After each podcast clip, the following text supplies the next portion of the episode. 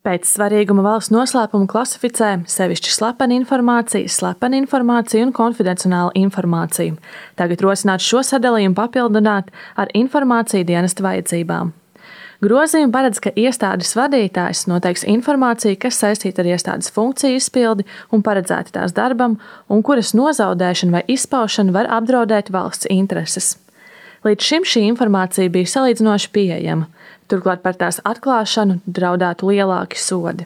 Šīs izmaiņas vakar Saimnes aizsardzības iekšlietu un korupcijas novēršanas komisija atbalstīja.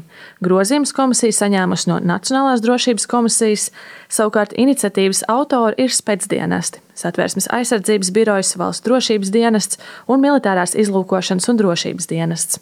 Nacionālās drošības komisijas vadītājs Jānis Dombrava no Nacionālās apvienības skaidro, ka steidzamību pieprasa ģeopolitiskie apstākļi, nepieciešama dinamiska rīcība. Šobrīd spēkā esošais ministra kabineta noteikumu regulējums ir novecojis, neatbilstoši šā brīža ģeopolitiskajai situācijai un ir pilnībā pārskatāms. Tā grozījuma nepieciešamība pamato Dombrava.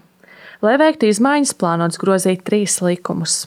Taču žurnālistu šie grozījumi dara bažīgus. Valsts iestādes jau tagad izmanto nepamatotus argumentus, atsakoties sniegt informāciju žurnālistiem. Izmaiņas mazinās jebkādu atklātību un sabiedrības informēšanu, norāda Latvijas žurnālistu asociācijas valdes priekšsēdētāja Zane Mača. Šie likuma grozījumi valsts pārvaldību pēc mūsu domām varētu padarīt vēl mazāk atklātu. Un eh, mēs bažījāmies, ka praksē tas var nozīmēt to, ka iestādes var zem valsts noslēpuma palikt nu, visu, ko viņi nevēlas kāda iemesla dēļ atklāt. Nu, kas, protams, diezgan nopietni apgrūtinātu žurnālistu darbu, jo tas nozīmē, ka šī piekļuve nebūtu iespējama ne tikai žurnālistiem, bet arī vispār NVO un nevalstiskām organizācijām kā tādām. To visticamāk nevarētu arī tiesas ceļā pieprasīt, ko mēs šobrīd varam, ja nu saziņā ar iestādi tas nav izdevies. Žurnālistu asociācija aicināja saimā nenoteikt steidzamību likuma grozījumiem un organizēt diskusiju par tiem ar nevalstiskajām organizācijām un žurnālistiem, iesaistot arī Tieslietu ministriju. Taču deputāti šos grozījumus noteica par steidzamiem. Domnīcas providus direktoru un vadošo pētnieci Ivetu Kažoku visvairāk pārsteidza deputātu vēlme ātri pieņemt izmaiņas.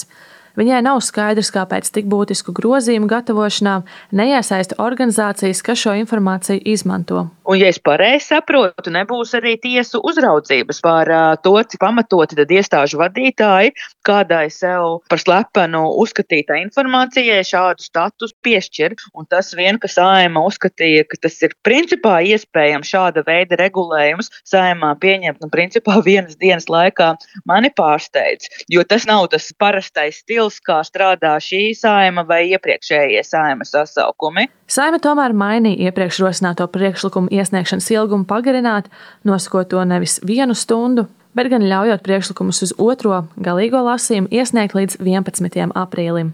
Likuma projektus parlamenta sēdē plānots pieņemt 20. aprīlī. Linda Spundiņa, Latvijas radio.